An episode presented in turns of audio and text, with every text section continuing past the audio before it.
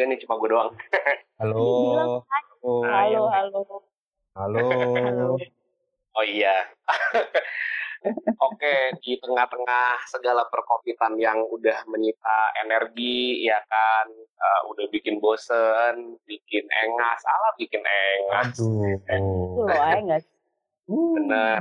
Ya bener. Semoga eh, kita masih tetap diberi kewarasan sampai entah kapan. Semoga kita bisa menyaksikan akhir dari wabah yang nggak banget ini dengan tetap sehat ya. Amin. Amin. Dan hari ini kan tanggal 21 April ya kan. Tanggal 21 April tuh identik dengan hari Selasa. Ya hari Selasa. Ya, Bukan. hari kiamat. Lah kan. Jumat. Ya, kan Oh iya Jumat. benar. Nah, benar. Bener. Hari ini kan hari Kartini nih ya.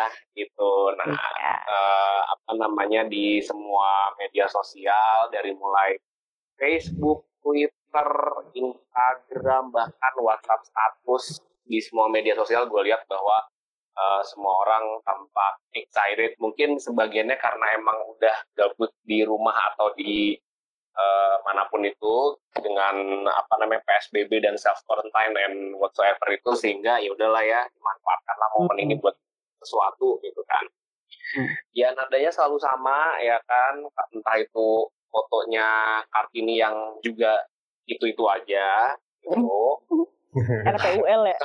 Nyatu. bener Eh, ajang foto ibunya ya nggak masalah juga sih gitu karena kan Hmm. emang entah gimana sejak puluhan tahun yang lalu tuh intinya dari gua melek mata dan sadar hidup tuh Kartini selalu identik dengan kebaya sanggul dan apa pun itulah ya kan Heeh, nah mungkin yang ada melatihnya gitu loh.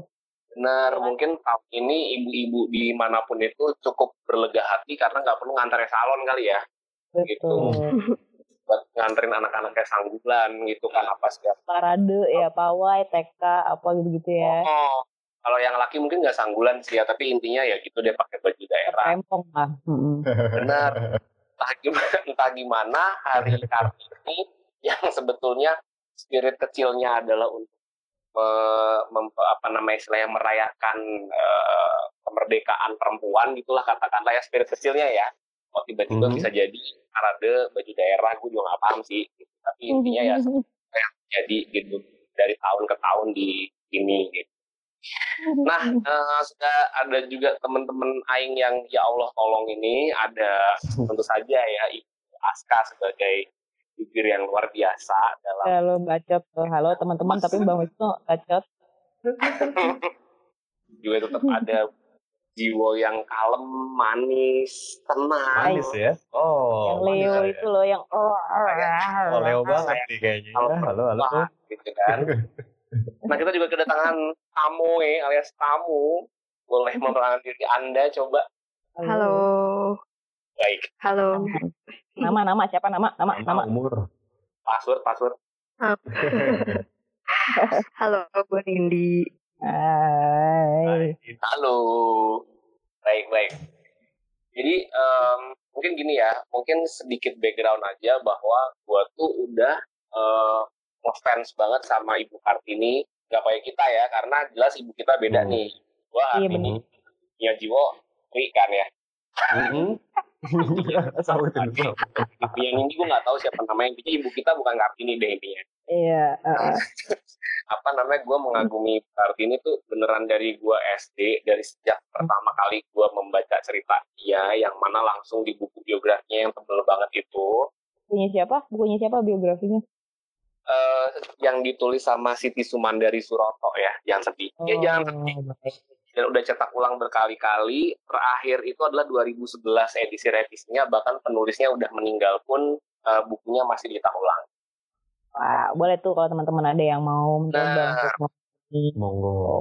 Cuma gue nggak paham apakah apakah eh, anak-anak sekarang eh, tahu buku ini ya, karena mm, buku ini sebenarnya dulu di awal-awal penerbitannya tuh beneran sampai di terbitin di luar negeri juga dalam berbagai bahasa. Jadi segitu hebohnya karena zaman itu pertama terbit kan tahun 64 ya. Itu beneran buku yang 64 apa 74 gue lupa. Itu beneran buku yang buku biografi yang luar biasa komplit dari awal sampai akhir tuh Ces, alah ces gitu. Pokoknya ya, tertakat Yahoo lah pokoknya. Gitu. Nah, terus eh, tambah gede, tambah dewasa, gue semakin eh, tertarik mendalami Kartini dari berbagai se- se- eh, segi gitu. Artinya gue udah nggak lagi memahami dia semata sep- seperti apa yang diketahui orang-orang bahwa Kartini sama dengan emansipasi selesai. Gitu. Padahal sebetulnya dimensi perjuangan Kar- Kartini itu luas banget gitu. Artinya dia sebagai sebagai manusia, sebagai perempuan itu menurut gue lahir di masa yang nggak tepat.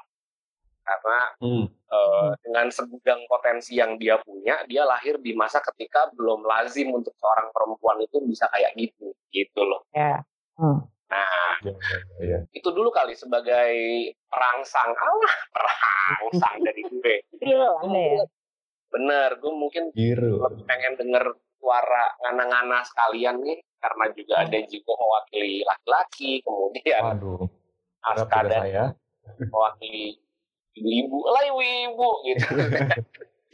Ibu-ibu ya, Menurut baik ya. Tadi jujur ya. Kartini itu apa dan bagaimana sih buat kalian? Mau orangnya, mau perjuangannya mungkin atau atau ya udah bebas aja gitu menurut pendapat lo semua tuh gimana sih dia tuh? Ya, coba silakan mau dimulai dari siapa pun monggo lah.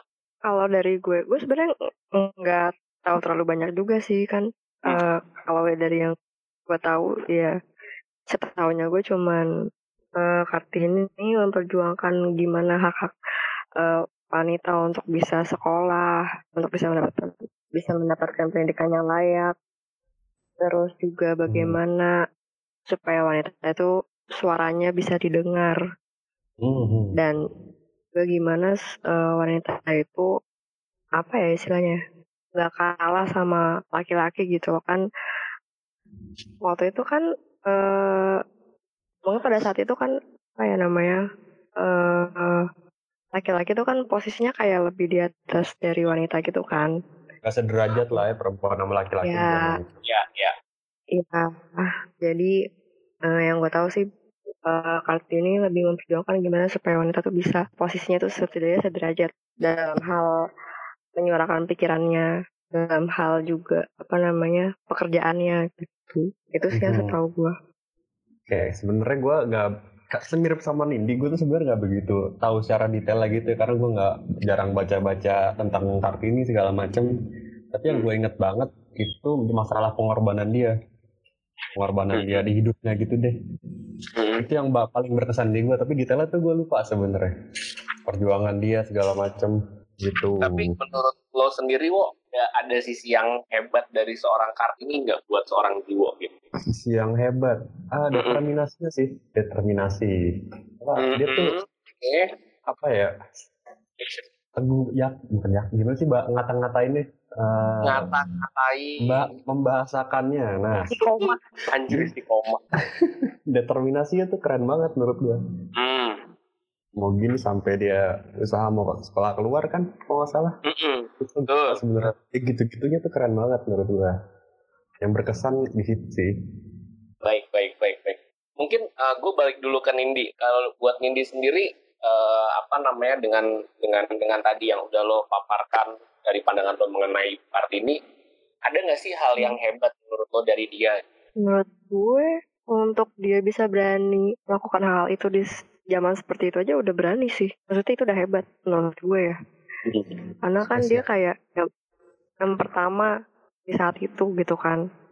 Maksudnya kalau mungkin kalau untuk melihat zaman sekarang mungkin itu biasa. Cuma kan zaman itu memang dengan keadaan yang apa ya di mana laki-laki itu mendominasi dan dia berjuang supaya bisa wanita itu selangkah lebih maju itu menurut gue udah hebat sih dia punya keberanian untuk bisa menyuarakan itu aja tuh udah hebat menurut gue gitu Baik, baik, baik. Oke, Aska, silahkan lo ya. Eh, kalau gue ngeliat Kartini itu sebetulnya satu sisi dia sebetulnya orang yang beruntung.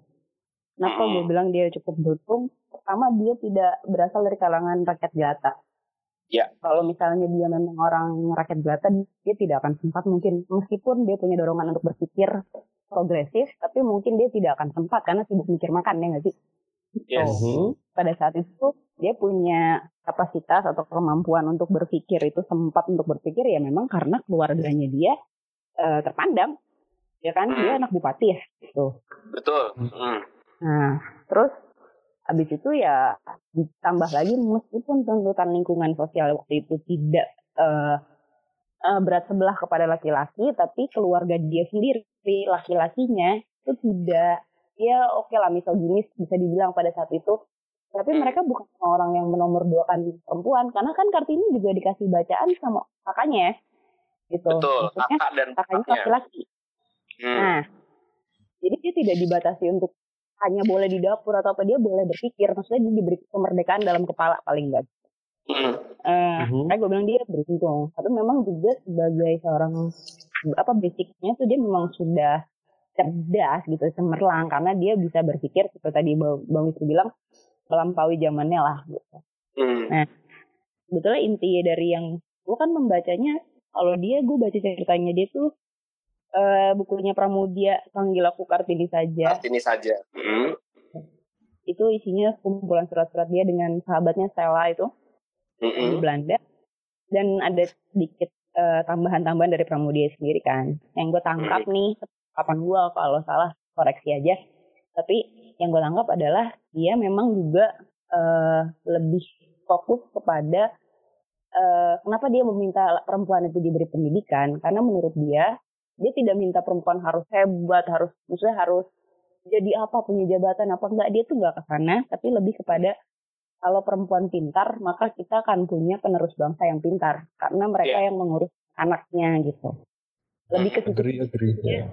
dia berpikirnya kolektif secara masyarakat menurut gue dia melihat kemunduran bangsa bahwa kita bisa dijajah bahwa kita nggak bisa menang-menang nih lawan ini nggak maju-maju ya karena bibit-bibitnya tidak diurus dengan baik kenapa tidak diurus dengan baik karena yang mengurus tidak punya bekalnya gitu lah istilahnya gitu deh Hmm. Nah, jadi sebetulnya perjuangan dia itu perjuangan domestik kalau menurut gua karena dia ber, ber- ber- sangat menyadari bahwa segala hal itu dimulai dari rumah.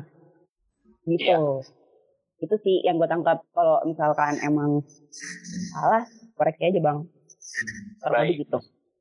Baik, baik, baik. Tapi menurut lo sendiri, dia eh, punya tadi, yang gue sama, sisi hebatnya menurut lo apa? Apakah tadi bahwa dia berpikir melampaui zamannya atau apa nih menurut lo? Kak? Pertama dia punya kemampuan eh kemauan untuk berpikir. Dari situ Hmm. aja udah jelas. Maksudnya dia bisa aja dia hidup ongkang-ongkang kaki. Orang dia tajir, saya kan gitu. Tapi Hmm. dia mau mikir gitu ya nggak Hmm. banyak ditemukan tuh satu terus kedua ya dia mencari dia terus bertanya. Itu orang yang terus terusan bertanya tuh gue selalu kagum sih kehebatan dia di situ. Karena kalau tidak ada yang bertanya maka tidak ada jawaban kan gitu. Benar, benar. awal dan dan dia aktif mencari jawaban itu sih nggak nyerah-nyerah sampai akhirnya terakhir dia meninggal pun. Meskipun segala pengorbanan lah dengan dia akhirnya menikah terus habis itu dia nggak jadi kuliah luar negeri apa segala macam. Tapi maksudnya semangat itu ada karena dia nggak bisa diturunkan ke adik-adiknya gitu menulari itu kepada orang lain sih itu sih yang keren menurut gua Iya. Jadi eh, apa ya? Kalau kalau gue setuju sih sama sama kalian semua artinya bahwa memang eh, Kartini itu memang satu fenomena di zamannya yang mana dia lahir di tahun 1879 ya Mak ya. Yang kayak tuh jauh banget dari Hmm. sekarang. Iya. Terus ada eh temennya bener bener punya waktu hidup yang cukup singkat cuma 25 tahun aja nih ya kan? Dan dan meninggal tidak lama sesudah melahirkan anak pertama.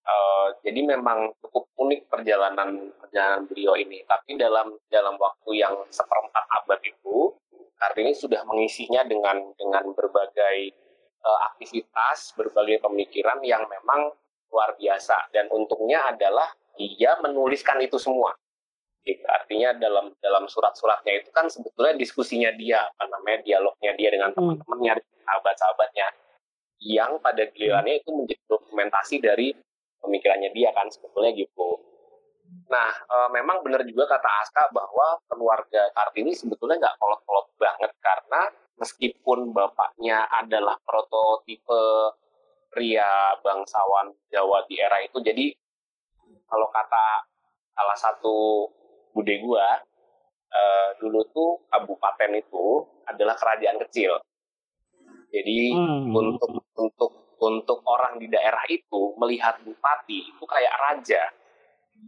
gitu Hmm. sehingga memang dan memang mereka menyelenggarakan tata kehidupan dan rumah tangga yang emang kayak kerajaan gitu loh buat orang-orang yang lebih di bawah dia jadi jadi ya bisa dibayangin ya maksudnya Iya, iya, kayak iya. kalau Aska bilang kayak ya mesti dia bisa ngomong kaki bener sih gitu. Karena ya masyarakat memuja mereka gitu kan. Lo nggak perlu Hmm. ngapa-ngapain kayak udahlah gitu kan kemewahan dan privilege itu adalah di tangan lu dah gitu. Tapi toh Kartini memilih untuk susah gitu kan. Nah yang hebat kalau menurut gua adalah bahwa ternyata pemikiran Kartini nggak sesempit seperti apa yang mungkin orang-orang tahu bahwa dia cuma mikirin soal masalah perempuan doang. Tapi dia itu eh, sampai kepada mem- eh, apa namanya mempromot mempromot eh, budaya tradisi ya kalau gue bisa bilang ya. Misalnya kayak batik, ukiran segala macam bahkan ukiran-ukiran Jepara itu bisa sampai sekarang terkenal. Salah satunya adalah karena doi punya gaya. Alah doi punya gaya. Punya gaya. Karena itu berawal dari ada yang udah nonton filmnya Kartini yang dibikin Hanung belum sih btw di sini Saya sudah. baik Belum. belum. belum ya nah di film itu sebetulnya gambarin gambarin ada satu scene yang mana memang itu terjadi bener dalam dalam hidupnya Kartini yang dia eh, ikutan apa sih istilahnya meninjau lokasi gitu ya sama Hmm, bapaknya gue inget mesinnya ya. Heeh. Kedua. Ikut ya, ikut bapaknya. bener Hmm. ikut yang yang mana itu dulu nggak semua bupati ngebolehin jadi maksudnya kalau kalau bupati yang kolot biasanya nggak boleh anak perempuan ikutan itu tapi bapaknya Kartini membolehkan Kartini ikut. Itu juga salah satu eh, apa ya istilahnya sikap progresif yang dimiliki sama bapaknya Kartini ketika itu. Nah waktu itu mereka meninjau ke salah satu desa eh, namanya belakang gunung ya gitu. Itu adalah desa tempat bermukimnya banyak pokir-pokir kayu Jepara yang luar biasa kerennya. Namun somehow Kartini tuh bingung kok ini orang-orang miskin ya? Gitu. Padahal mereka tuh keren banget karya-karyanya. Nah singkat cerita Kartini berhasil meyakinkan orang-orang itu bahwa ini deh lu gue promosiin lo bikin lo bikin karya yang kayak gua yang eh, jadi dia yang desain gitu lo bikinin nanti gue yang pasarin gue nggak akan ambil untung dari itu. Dan itu Hmm. beneran dilakukan Kartini dengan dedicated dan pokoknya gue nggak ngambil untung sama sekali. Eh, ini dikirimin dia promo ke teman-teman yang orang-orang Belanda sampai di tahun 1898 kalau gue nggak salah eh, Kartini berhasil mengikut sertakan ukiran Jepara ke pameran di Belanda. Gitu dengan ya udah dia tetap di sini aja cuma dia promote barang dikirim pamerin gitu. Terkenal lah Jepara gitu. Itu sih salah satunya yang menurut Hmm. gue kayak oh dia bukan cuma mikirin perempuan tua gitu kan. Terus masalah gagasan keluarga berencana oke balik lagi ini adalah domestik. Dan dia memang itu tadi kak memang benar semua pemikiran dia berawal dari rumah memang sebetulnya. Jadi kayak eh, apa namanya eh, dia ngelihat situasi bahwa anak-anak bangsawan saat itu bisa nyampe 12 lah, 24 lah, 36 lah gitu yang kayak Yes. yang pada Betul. banget korup gitu kan wo gitu maksudnya soalnya ya Mhm. udah kan gitu duit lo buat ngempanin orang segitu banyaknya gitu. Iya. Nah dia menyerukan bahwa kalau lu nggak bisa ngasih makan itu anak dan nggak bisa kasih penghidupan yang layak, lu jangan punya anak. Intinya gitu, jangan punya anak banyak-banyak Hmm. gitu. Tuh, belum gagasan-gagasan dia yang lain mengenai persatuan lah, mengenai apa yang juga banyak diadopsi sama gerakan pemuda jauh sesudah dia meninggal. Iya, Itu sih, betul. itu sih Iya, jadi yang menurut gua hebat adalah umur lo cuma 25 tahun nih, tapi dan lo hidup di Hmm. tahun waktu yang dulu itu ya 1879 sampai 1904.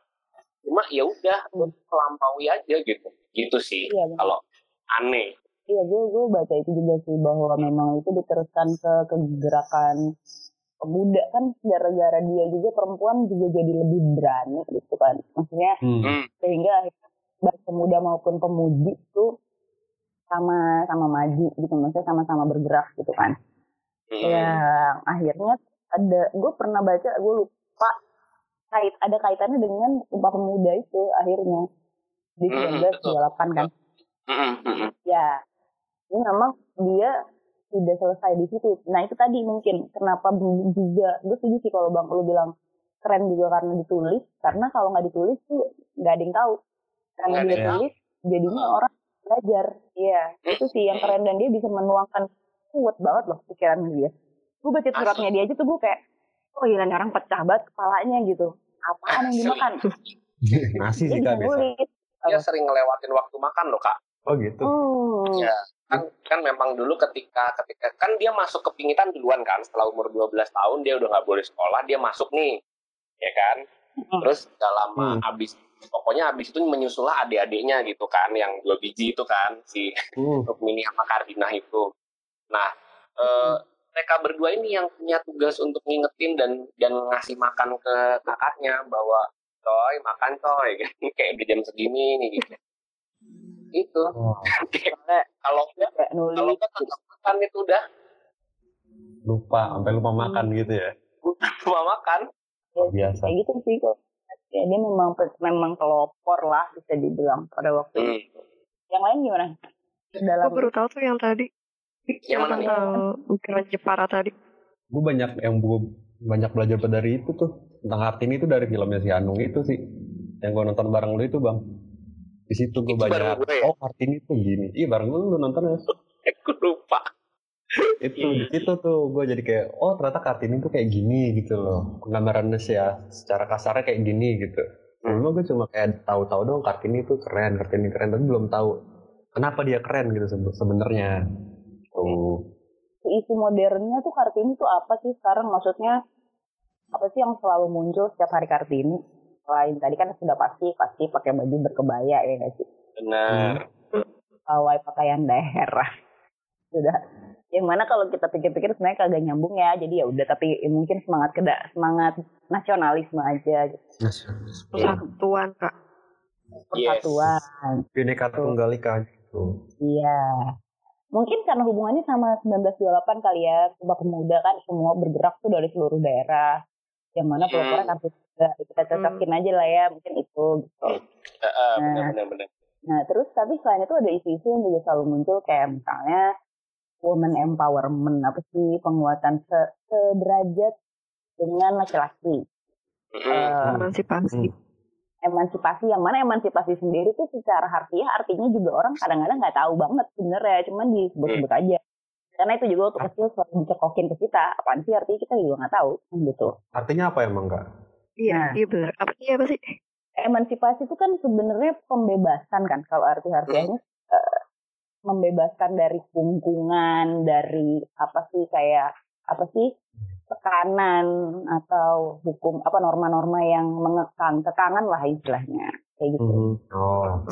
Gitu. Kebebasan yang mana kalau kita nah iya makanya kalau misalkan tahun 2020 masih dipakai eh, dan yang ngomong adalah orang-orang yang sebenarnya nggak perlu dibebaskan jadi gue kayak jadi lu maksudnya apa? Gitu. Kalau gue suka ber- bertanya itu nah maksudnya gini kalau kita ngomongnya penyetaraan gender nih kartini Hmm. dengan nama kartini bang relevan sampai titik sampai titik mana itu relevan gitu? Atau nggak relevan sama sekali apa gimana? Eh, gimana ya? Mungkin ini kalau gue barangkali lebih kepada gini. Kadang salah kaprahnya orang adalah karena menganggap kartini sebagai simbol eh, feminisme Eh, satu poin itu tidak salah tapi kemudian poin yang lain eh, menjadi kurang tepat karena kartini dianggap satu apa ya satu frekuensi dengan semua aliran feminisme yang ada Eh, dalam hal ini lebih banyak baratnya ya. Padahal Kartini sendiri meramu feminisme ala dia. Dulu gue pernah bikin makalah soal ini. Feminismenya Kartini itu bukan feminisme barat. Mau itu ekofeminisme, mau itu liberal, mau itu apa. Nggak masuk ke situ semua ternyata.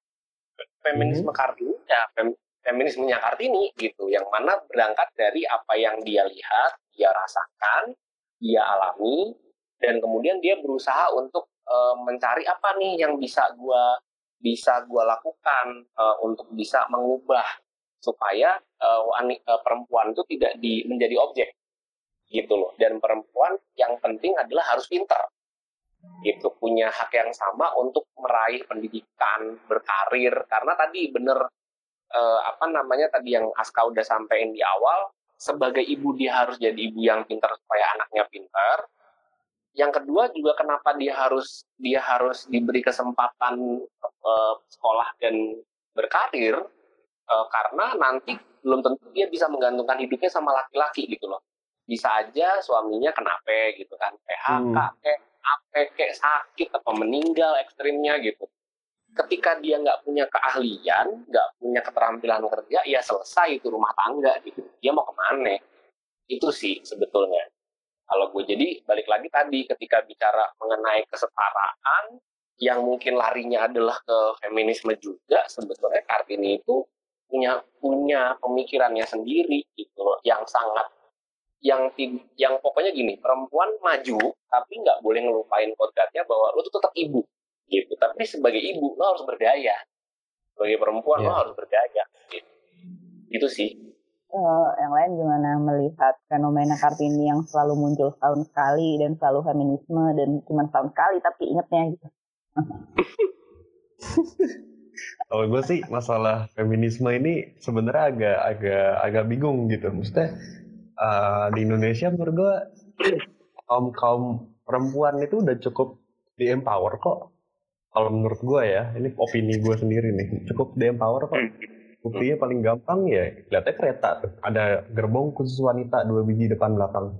Itu kan udah perempuan itu udah spesial gitu. Jadi kayaknya nggak perlu lu sampai berdemo atau apa yang sampai segitunya gitu loh. Menurut gue. Hmm. Tuh, jadi nggak hmm. jangan nggak usah terlalu ekstrim lah gitu. Lu udah cukup di empower kok menurut gue.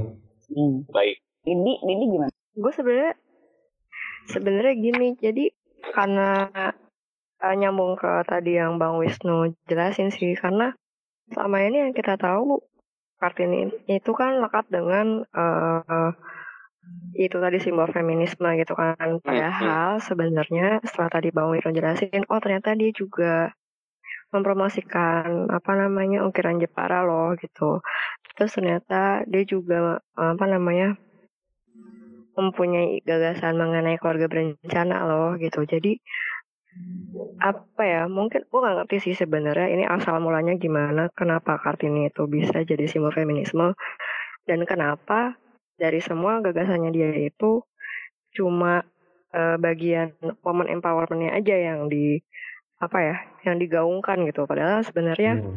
uh, banyak gagasannya dia yang yang bagus untuk membangun masyarakat. Hmm, hmm. Nah, sebenarnya itu sih setelah gue tadi dengar penjelasan bang Wisnu gue kayak merasa sayang aja gitu kenapa ya kita kok cuma dijelasin uh, bahwa kartini itu dia apa namanya uh, memperjuangkan emansip emansipasi wanita aja gitu kenapa kita nggak pernah jelasin kalau kartini itu juga memperjuangkan hal, -hal lain gitu sih jadinya mungkin itu yang uh, mengarah ke apa namanya apa yang terjadi sekarang-sekarang ini di mana setiap kali ada isu feminisme terus dikaitin dengan uh, capek-capek Kartini udah berjuang. Ya dulu, betul. betul, betul. Kalau sekarang uh, mau aja diginiin gitu loh. Entah yeah. hal-hal yang sebenarnya emang nyambung ya sama apa yang kalau tahu apa perjuangan Kartini pada waktu itu gitu loh. Kayak zaman sekarang kan masalah nggak jauh-jauh deh. Kalau di Twitter tuh gue sering banget lihat orang ribut cuma masalah pakaian. Cewek tuh ah, harusnya pakaiannya tuh uh, terserah dia lah mau ngapain kan badan dia. My body my apa sih? Lupa istilahnya. My body my adventure kali ya. Ada sih gue, gue kayak badan gue kayak eh, authority. off ini sih kayak tubuh gue hak gue gitu loh. Jadi kayak yeah, gue pakai yeah. baju apa eh terus gue gitu loh. Dan mereka kayak hmm. tetap balik lagi ke ya kan kartini dulu udah memperjuangkan emansipasi wanita lalala gitu kan. Bukan itu gak sih maksudnya yang kalau misalnya lu belajar benar-benar kalau misalnya lu tahu benar-benar kayak tadi yang uh, bang Wisnu tadi jelasin bukan itu maksudnya uh, emansipasi emansipasi wanita yang kartini itu berjuangkan gitu loh. Jadi apa ya mungkin kalau dibilang simbol feminisme feminisme yang kayak gimana dulu sih hmm. kalau lo maunya yang tadi yang tadi kayak Bang bisa bilang kalau feminisme barat ya mereka udah punya nilai yang jelas berbeda dengan apa yang kita anut di Indonesia gitu kan. Iya. Jangan di apa ya?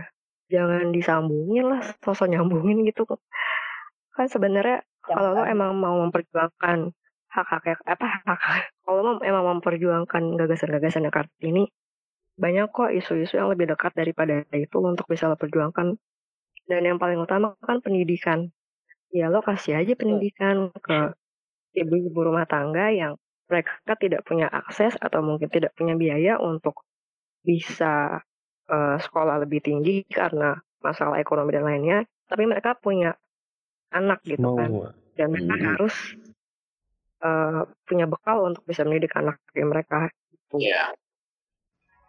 Gitu sih. Ya. Betul betul betul betul. Tapi, betul.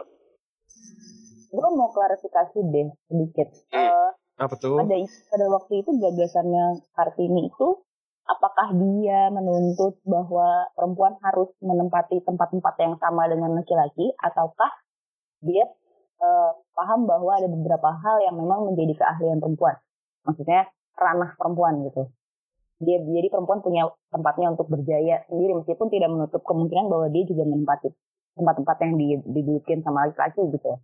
Menurut gua kedua-duanya kak. Kalau gua interpretasikan dari dari surat-suratnya beliau itu dua-duanya. Karena gini misalnya aja yang yang statement lo yang pertama ya bahwa e, mitra sejajar nih berarti kan mitra sejajarnya buat laki-laki gitu ya.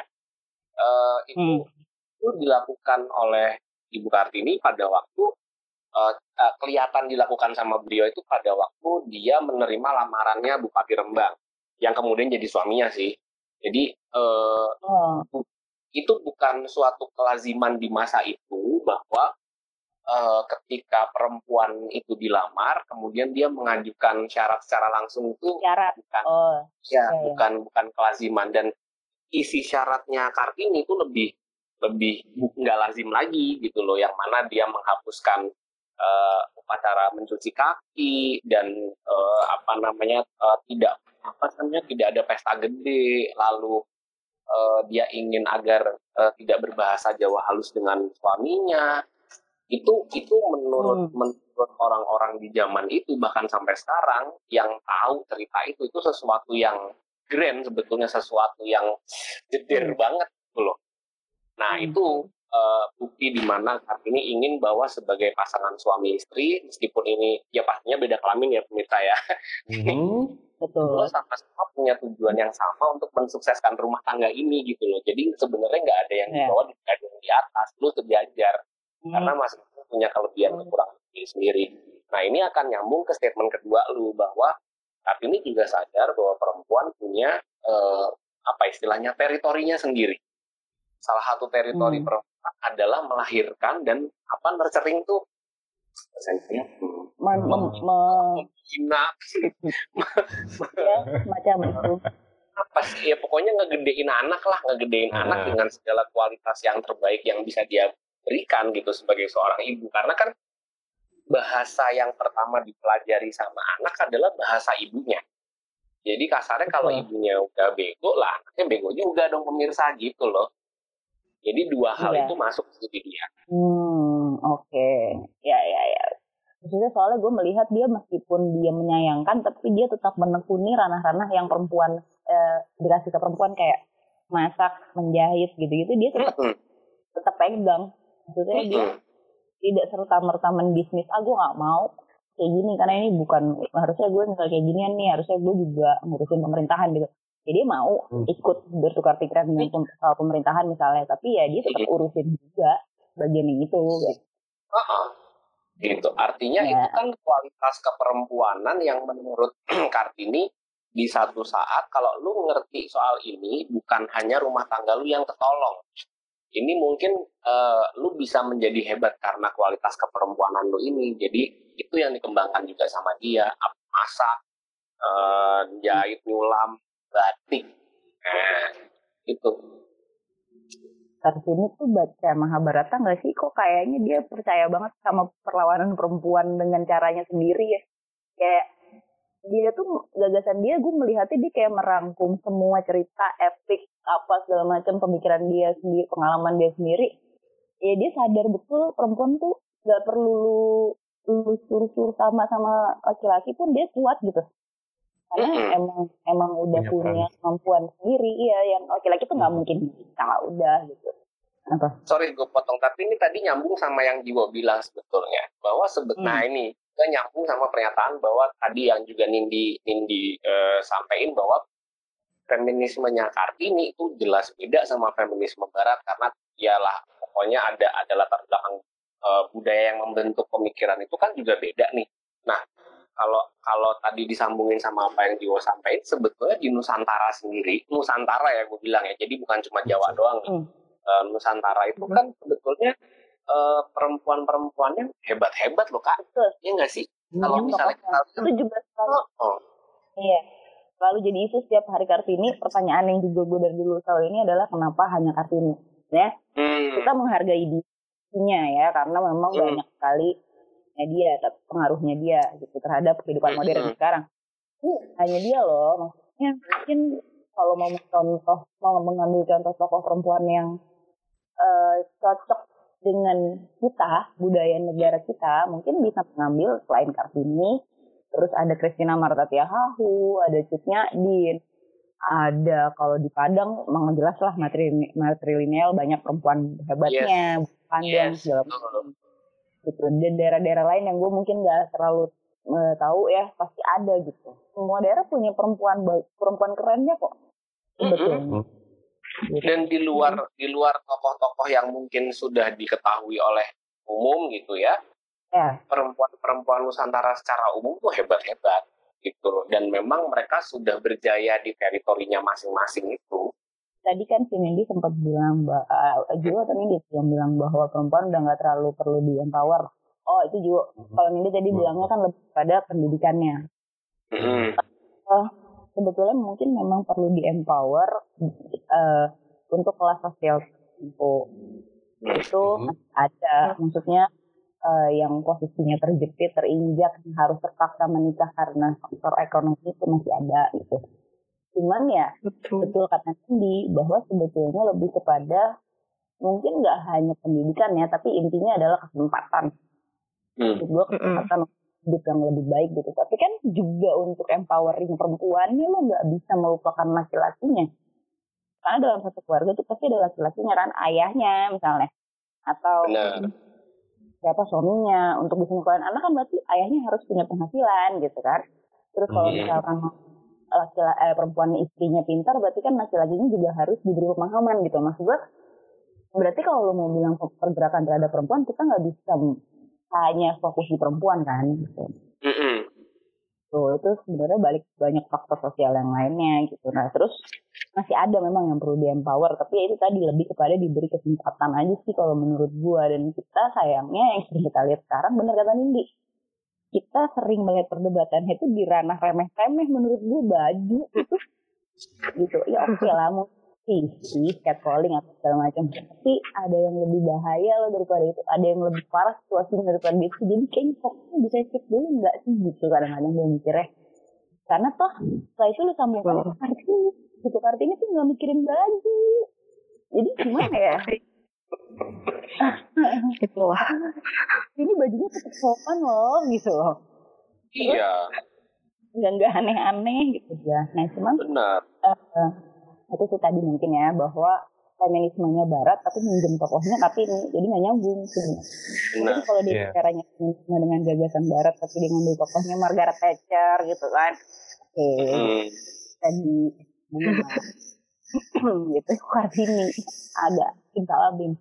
Nah cuma eh, kalau kalian nih ngelihat perdebatan an- per- soal perempuan yang selalu muncul sering muncul misalnya di media sosial atau di mana pun lah diskusi-diskusi yang lain lah ketemu langsung ngobrol gitu terus Hmm. apa sih selain tadi kan baju udah tuh satu dan itu apa lagi yang sering kalian temukan ya Kalau gue di Hmm. Twitter sih suka ketemu itu apa namanya? Hmm, oh, bully ke korban pemerkosaan.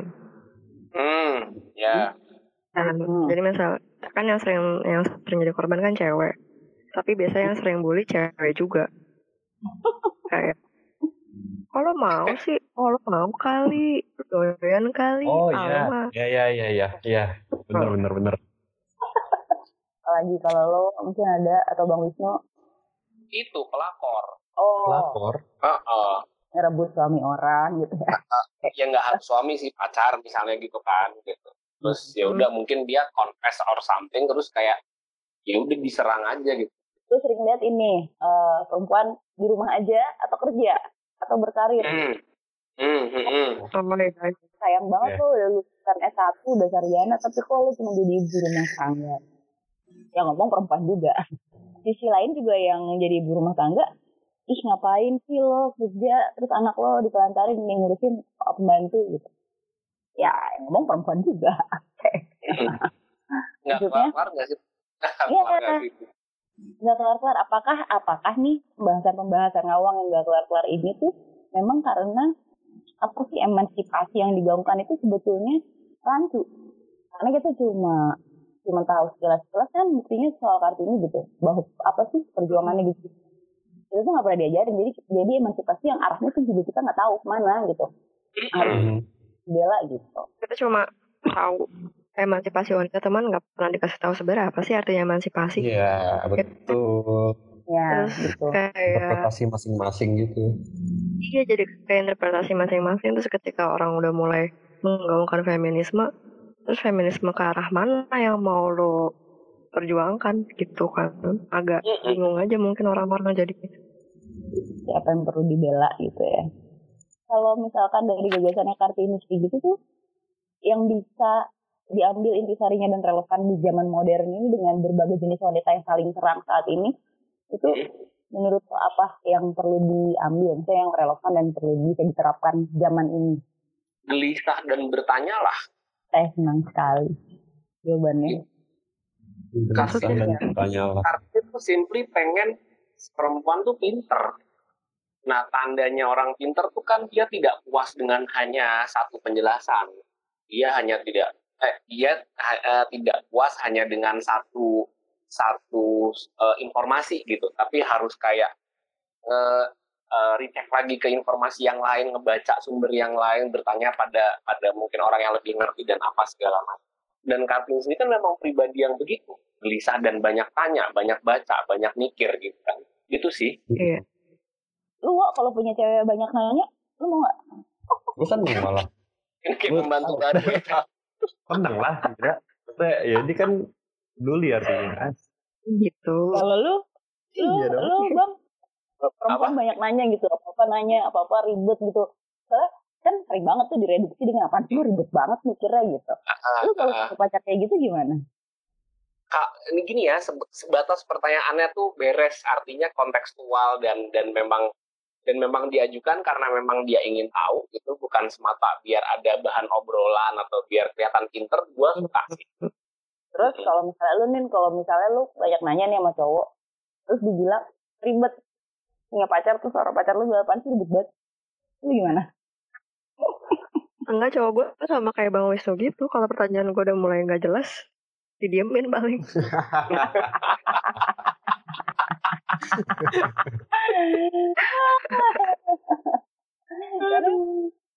kemarin tuh gue baca pertanyaan gue udah ngawang-ngawang udah mulai out of context sudah mulai apaan sih? Diem aja udah. Oh, baik. Tidak dilayani ya tidak dilayani. Iya. tutup loketnya layanan. Iya soalnya kemarin gue baru baca di Twitter ada yang nge-tweet gue lupa siapa akun random gitu apa sih anaknya punya cewek pinter ribet banget tau banyak nanya gitu. Jadi kayaknya dia nggak pintar jadi dia nggak pernah bingung punya jawabnya. kak. Aduh. ya itu jawabannya. Oh bisa jadi sih. Dan itu maksudnya kadang-kadang hal-hal kayak gitu yang membuat perempuan tuh takut untuk eh, bertanya takut dibilang ribet. Terus juga memang sebenarnya masih secara sosial kan kita masih banyak yang menganggap bahwa ya udah ya campur-campur nggak sih sekarang ada yang bilang perempuan harus gini ada yang bilang perempuan harus gitu. Ya eh, sebenarnya laki-laki juga bisa dituntut hal yang sama sih. Laki-laki itu harus gini laki-laki itu harus gitu. Itu lebih ke laki-laki gitu. Eh ke perempuan gitu tuntutan-tuntutan kayak gitu. Jadi mungkin ya dan itu semua ujung-ujungnya ke edukasi lagi nggak sih? Iya. Sama aja gitu. Ya benar banget kalau kartini memang naikinnya ke arah pendidikan sih. Dan maksudnya tapi juga ini sih kadang-kadang ada presiden buruk misalnya kayak emang ada beberapa perempuan yang hmm, menelantarkan perannya gitu misalkan uh, punya anak terus tidak diurus misalnya gitu. Ada tapi kan ya juga memang dengan contoh satu dua contoh buruk itu perempuan tuh lebih gampang kan ngecap gitu loh. Kayak perempuan kalau kayak gini lo jelek banget perempuan ngerokok oh nakal laki-laki ngerokok nggak apa-apa. Emang laki-laki nggak bisa kanker paru-paru gitu kan. Sebenarnya lebih ke ini sih kalau gue ngelihatnya kalau mau melawan tuh melawannya perempuan itu bukan dengan cara jadi seenaknya nggak sih? Karena kartini pun tidak serta merta lalu nggak mau dipinit tidak serta merta lalu menolak aturan ayahnya gitu. Karena kan dia sadar banget di rumah ayahnya kan dia harus seperti itu tapi juga tidak berarti dia tidak melawan. Gitu sih. Sama yeah. kayak mungkin fitnya din bukan juga artinya dia terus uh, mengenalkan tugasnya sebagai ibu. Dia itu ibu loh. Dia istri loh. Dia tetap jalanin tugasnya meskipun dia paling perang kayak gitu. Hmm. ya emang iya. repot jadi perempuan tapi karena kita hebat. Dia nggak sih?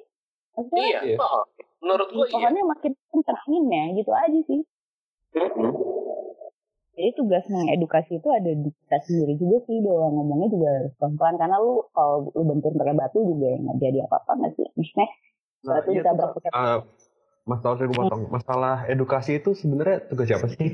Edukasi yang hal kayak gini nih. Sebenarnya ah, kewajiban siapa? Hal-hal yang masalah kayak feminisme gini itu tuh uh, tugas siapa untuk mengedukasi kita semua gitu Hmm. Apa dari society yep. juga untuk mengedukasi society society itu itu, itu sendiri gitu atau gimana tuh sebenarnya? Menurut lo? Kayak tugas society kali ya. Maksudnya kayak tadi Bang Wisnu ngasih tahu kita kalau uh, gagasannya kali ini bukan cuma tentang feminisme aja, eh tentang emansipasi aja loh gitu. Hmm. Sebenarnya gue gak ngerti dulunya pas maksudnya kenapa, kayak tadi yang gue bilang, gue gak ngerti kenapa kalau pelajaran Kartini kita cuma tahu tentang emansipasinya aja. Padahal sebenarnya banyak gagasannya gitu. Cuma sebenarnya kan kalau misalnya kita mau baca atau mau apa namanya nyari dari sumber-sumber lain mungkin kita juga bisa tahu kali wo. Kayak gitu kalau masih harus cari tahu sendiri. Cuma yang, yang gue bingungin kalau misalnya orang yang nggak punya source eh nggak punya resource untuk yeah, belajar dari mana? Uh iya mereka tahu dari mana itu sih. Lo gimana bang kalau lo uh, dari keluarga ya. Jadi maksud gue kalau sekarang lo udah punya kesadaran untuk itu, berarti lo punya tugas kelak ketika lo berkeluarga, artinya lo ada istri, ada anak, ya lo harus mengedukasi mereka semua gitu. Nanti istri dan anak lo ya. adalah agent untuk cucu-cucu lo gitu aja udah. Ya. Dan dan seterusnya dan seterusnya gitu. Semua dimulai dari keluarga ya, bener. Karena harta yang berharga adalah keluarga. Paling berharga adalah keluarga. Harta yang paling berharga biasanya ada lu bingung. Lu gimana kak?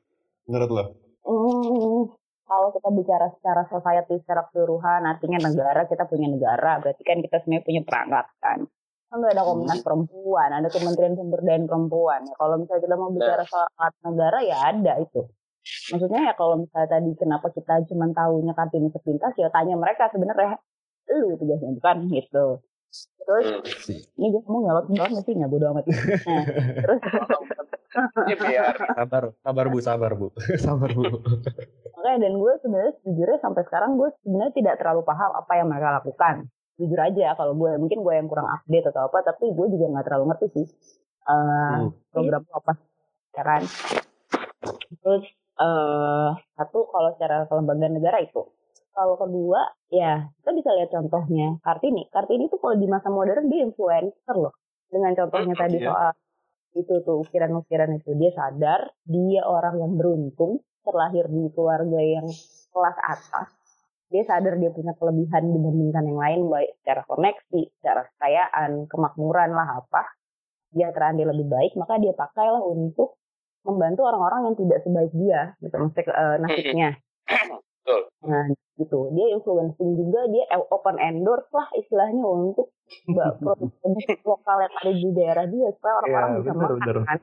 Bener gitu. sih. Maksudnya, ya. baik. Jadi ya itu yang memang kita butuhkan adalah orang-orang yang punya pengaruh dan cukup punya sensitivitas untuk membantu itu sih sebetulnya karena benar kata Nindi tadi ada orang-orang yang nggak punya akses kalau dia tidak cukup beruntung untuk terlahir di keluarga berpendidikan maka dia tidak tersentuh itu mungkin gitu kan nah yang itu tadi yang bertugas menyentuh mereka adalah yaitu lembaga negara yang memang jelas fungsinya untuk itu. Satu lagi ya orang-orang yang punya sensitivitas untuk berbuat e, ke arah sana sih maksudnya bergerak ke arah situ. Empowering tadi cuma kan ya pada prakteknya ya naon sih gitu. Naon. Dan Lu kan tadi jadi influencer. wow follower saya aja nggak nyampe 500 wow gimana Beli follower lah. Lo udah. wow. Beli ya kalau beli followernya India semua loh nggak ada follower lokal. Masa gue empowering kartini ke orang India? Bodoh amat ya tai. Terus ya maksudnya kalau misalkan emang udah ke sana arahnya jadinya banyak noise karena memang ada kekosongan yang gak diisi sih menurut gua eh, sama pelajaran sekolah mungkin ya ya itu jadinya ketika yang berwajib tidak turun tangan secara penuh maka orang-orang yang volunteer ini yang turun dan orang-orang volunteer ini tadi tuh banyak banyak anggapan dan gagasan yang beda-beda nih interpretasi berbeda-beda soal Kartini yang tadi akhirnya ada yang ke arah feminisme barat ada yang ke arah mungkin lebih ke religius sehingga yang sampai ke masyarakat tuh beda-beda gitu. Jadinya noisy aja banyak banyak versi gitu loh yang mana akhirnya kita tuh bingung yang mana distorted dan gak semua orang satu gak semua orang punya akses untuk baca bukunya yang kedua nggak semua suka baca. Gitu Iya. jadi ya terima aja kata orang kan. Kayak, kayak gini jadinya. Saya dari tadi gue juga nanya kan kalau bukunya apa bang? Biar kalau misalnya ada orang yang mau baca langsung untuk Hmm. memastikan kita omongin hari ini di sini nih silakan Hmm. gitu. Lo bisa punya ya bisa lebih lengkap lagi taunya gitu. Gitu Oh iya. baik. kalian mumpung gue ingat eh, terkait buku itu surat-suratnya Kartini diterbitin lagi loh kalau gue nggak salah. Versi yang terjemahan dari dari dari tekstasnya karena kan beberapa memang kayak Armin Pane itu ngilangin beberapa surat gitu. Oh. Eh, terus Sulastin Sutrisno dulu eh, pernah bikin which is gue juga punya bukunya itu surat-surat Kartini renungan tentang dan untuk bangsanya tapi itu buku lama jadi gue yakin tuh udah nggak terbit lagi. Nah itu baru-baru ini gue pernah lihat di Gramedia. Gue lupa ya mana film atau mana gitu dipajang gitu loh. Jadi harusnya itu ada gitu diterbitkan ulang gitu. Bukunya agak agak tebel sih gue yakin kalau gue nggak tahu ya Hah? mungkin anak-anak sekarang nggak terlalu tertarik dengan dengan isu sejarah apalagi karena itu kan textbook banget ya maksud gue surat-surat kartini Banget. itu beneran emang cuma surat-surat doang gitu isinya tulisan semua gitu maksudnya Iya. kalau lo nggak bener-bener punya ketertarikan untuk untuk menelaah dan membaca satu demi satu emang bosen tapi terus terang Iya. yang gue tertarik dari surat-surat dia ya terutama itu karena sebetulnya di luar segala gagasan-gagasan gede itu ada perintilan-perintilan. Lebih baik mengetahui secara langsung dari sumbernya sih Yes, gitu tapi kalau misalkan betul. emang pun udah banyak kok diskusi dan gagasan soal kartini yang lu bisa mungkin ikuti gitu. Jadi bisa ditarik benang merahnya gitu. Ya, gue pernah denger juga ada yang eh, apa ya tidak setuju Kartini itu dijadikan pahlawan karena menurut mereka sebenarnya Kartini nggak seberjuang kayak Cut Din or Cut Mutia or siapa pun itu yang Alta Kristina Tiahu yang benar-benar physically berjuang gitu kan. Eh, ya maksudnya ini Ya, konteks nggak sih? bukan iya maksudnya kayak jadi nggak apple to apple tapi ya udah lah ya namanya orang bebas ber- berpendapat tapi terus terang kalau gue sendiri sebagai sebagai pengagum Kartini gue juga mengagumi perempuan-perempuan yang tadi gue sebutkan namanya itu kok bahkan juga ada yang bilang bahwa eh, kalau misalnya masalah pendidikan eh, dan bagaimana apa women empowerment Dewi Sartika kayaknya lebih ces deh daripada Kartini. Ya nggak masalah juga menurut gue gitu banyak kan. yang ngomong ya gitu nggak masalah juga. Masalahnya adalah pada tahu nggak ketika Dewi Sartika tuh mau bikin sekolah istri ya kan? Gitu ya namanya sekolah iya. istri gitu itu dia sama adiknya Sari Pamrat tuh datangnya ke Wismo Pranowo Wismo Pranowo itu adalah eh, sekolah perempuan yang dibuat sama Kartina Kartina adiknya Kartini ada yang menggunakan kurikulum Kartini sebagai kurikulumnya. Jadi dia nggak ngikut pemerintah. Kurikulumnya Hmm. Wisma Pranowo, kurikulum Kartini. Jadi apa yang digagas sama Kartini direalisasikan sama Kardina di Wisma Pranawona itu Dewi Sartika dengan Sari Pamrat adiknya itu datang ke sana sebagai tamu Wisma Pranowo, tamu Kabupaten Tegal uh, untuk belajar betulnya gimana sistem yang diterapkan di sana. Nah itu diadopsi sama beliau ke sekolah gitu. Hmm. Ya. Oh, ya, ya, ya. Oke, kayaknya mungkin udah sejam nih udah banyak yang kita obrolin nih. Mungkin kita Ya, Udah sejam ya? udah dong. Oh iya. Gila, gila. Mungkin kita tutupnya dengan ini kali ya, masing-masing mungkin ada apa pesan apa apa pun lah yang mau disampaikan kepada perempuan Indonesia. Hmm.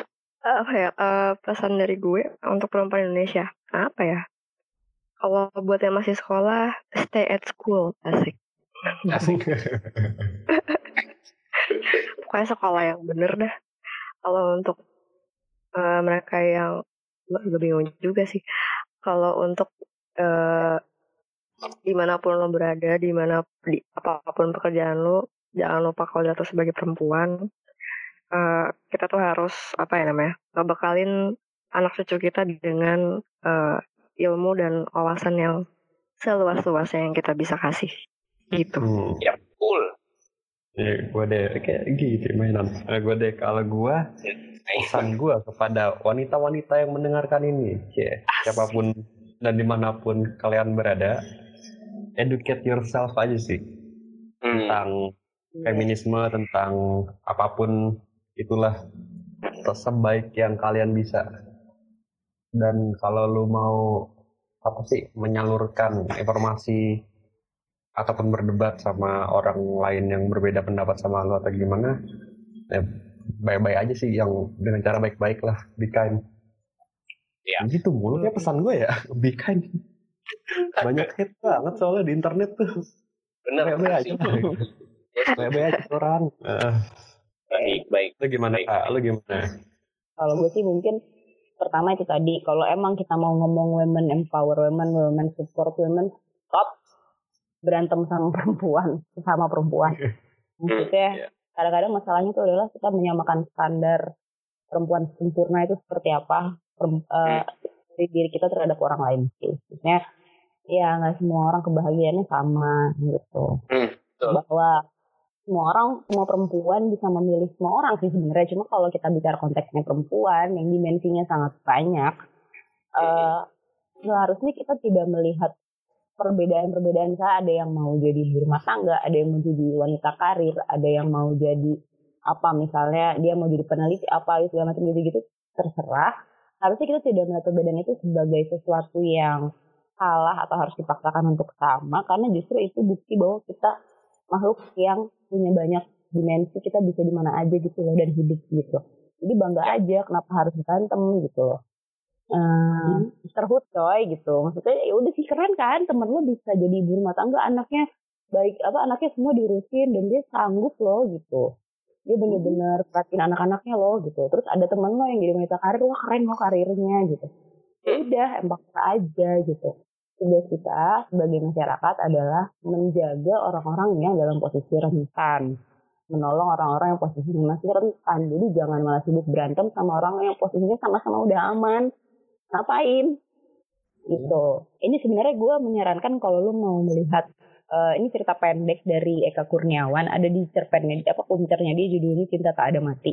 Ada satu cerpen judulnya Kutukan Dapur singkat aja nih ya gue ceritain secara singkat. Eh, menceritakan seorang juru masak di zaman Belanda. Dia juru masak zaman Belanda perempuan. Yang emang pada waktu itu di masa dia perempuan gak bisa ngapa-ngapain selain ya udah antara jadi pembantu juru masak bundik apalah gitu gitu tapi dia melakukan perlawanan dengan cara apa? Karena dia sangat jago masak. Akhirnya dia bikinlah eh, sebuah resep yang bisa membunuh orang-orang Belanda. Maksudnya oke lah, oke lah, oke lah ini fiktif. Tapi ini yang maksud gue poin yang gue tangkap dari cerita ini adalah dia di dapur aja, tapi bukan berarti dia nggak bisa ngapa-ngapain loh. Saya gitu. Hmm. Jadi jangan mengecilkan posisi orang sih, karena mereka pasti make, make, eh, apa ya membuat sebuah kontribusi juga kepada masyarakat gitu sih. Karena gue capek sebenarnya ngelihat cewek berantem sama cewek baru aja juga di Twitter kemarin ada cewek baru nikah dia bangga dengan tahu alasan dia nikah adalah karena dia merasa aman.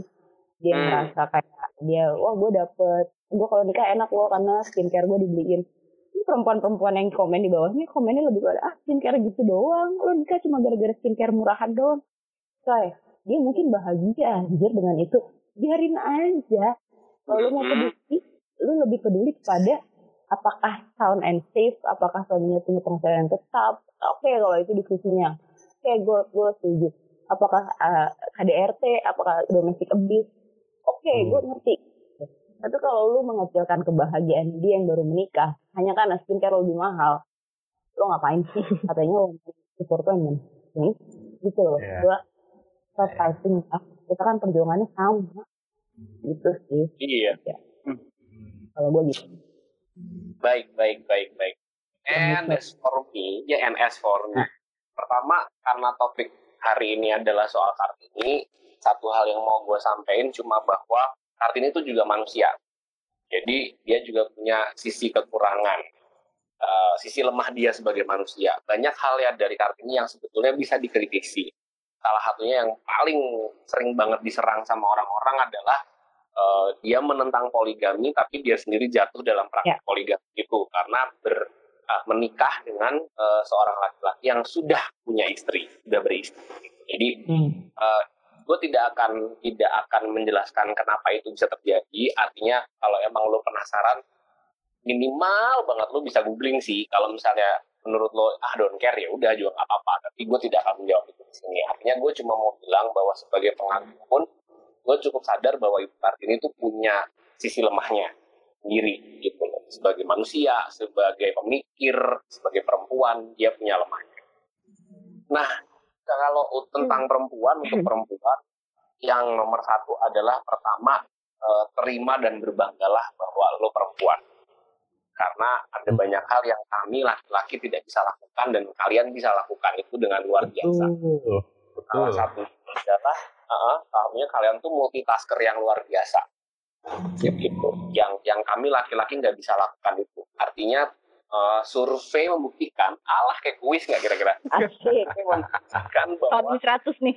Bener. Kita bintang-bintang ya. Uh, perempuan yang yang menjadi ibu tunggal, menjadi orang tua tunggal, itu rata-rata lebih berhasil dibandingkan laki-laki yang menjadi bapak tunggal. Biasanya si laki-laki ini kemudian mencari ibu baru. Ah ibu baru. Apa namanya? E, mencari pendamping baru gitu kan. Setelah sekian lama artinya bahwa laki-laki lebih nggak tahan kesepian sebenarnya. Sementara e, perempuan dalam kesendiriannya justru dia bisa semakin hebat potensinya bisa semakin keluar. Itu yang yang gue lihat e, apa namanya dari contoh-contoh sekitar gue. Jadi sebetulnya kemampuan bertahan perempuan dalam kondisi tertentu itu luar biasa Nah, makanya yang perlu kalian lakukan, eh, teman-teman perempuan, sudah perempuan lakukan di luar sana adalah seperti teman-teman yang lain tadi juga sudah sampaikan bahwa uh, stop untuk menyerang sesama kaummu, ya kan? Hmm. Bantu kaummu untuk naik kelas, ya kan? Bersyukur hmm. kalau misalnya kalian sudah mendapatkan pendidikan yang oke, okay, Eh, maka kalian sebetulnya punya kewajiban moral untuk juga mengokekan kualitas teman-teman perempuan Anda gitu. Uh, dan yang terakhir tadi bersyukur berbangga menjadi perempuan terutama perempuan Indonesia karena lo semua hebat itu aja sih. Hmm. Itu aja. Hebat. Zeus. Hmm? Zeus. Lagi jangan lupa juga baca-baca juga pahlawan perempuan yang lain karena mungkin lo nggak fit sama pemikiran Kartini atau peran Kartini tapi lo fit sama peran pahlawan perempuan yang lain gitu sih. Betul. Hmm. Mungkin Sina the warrior princess alah Sina. Wow.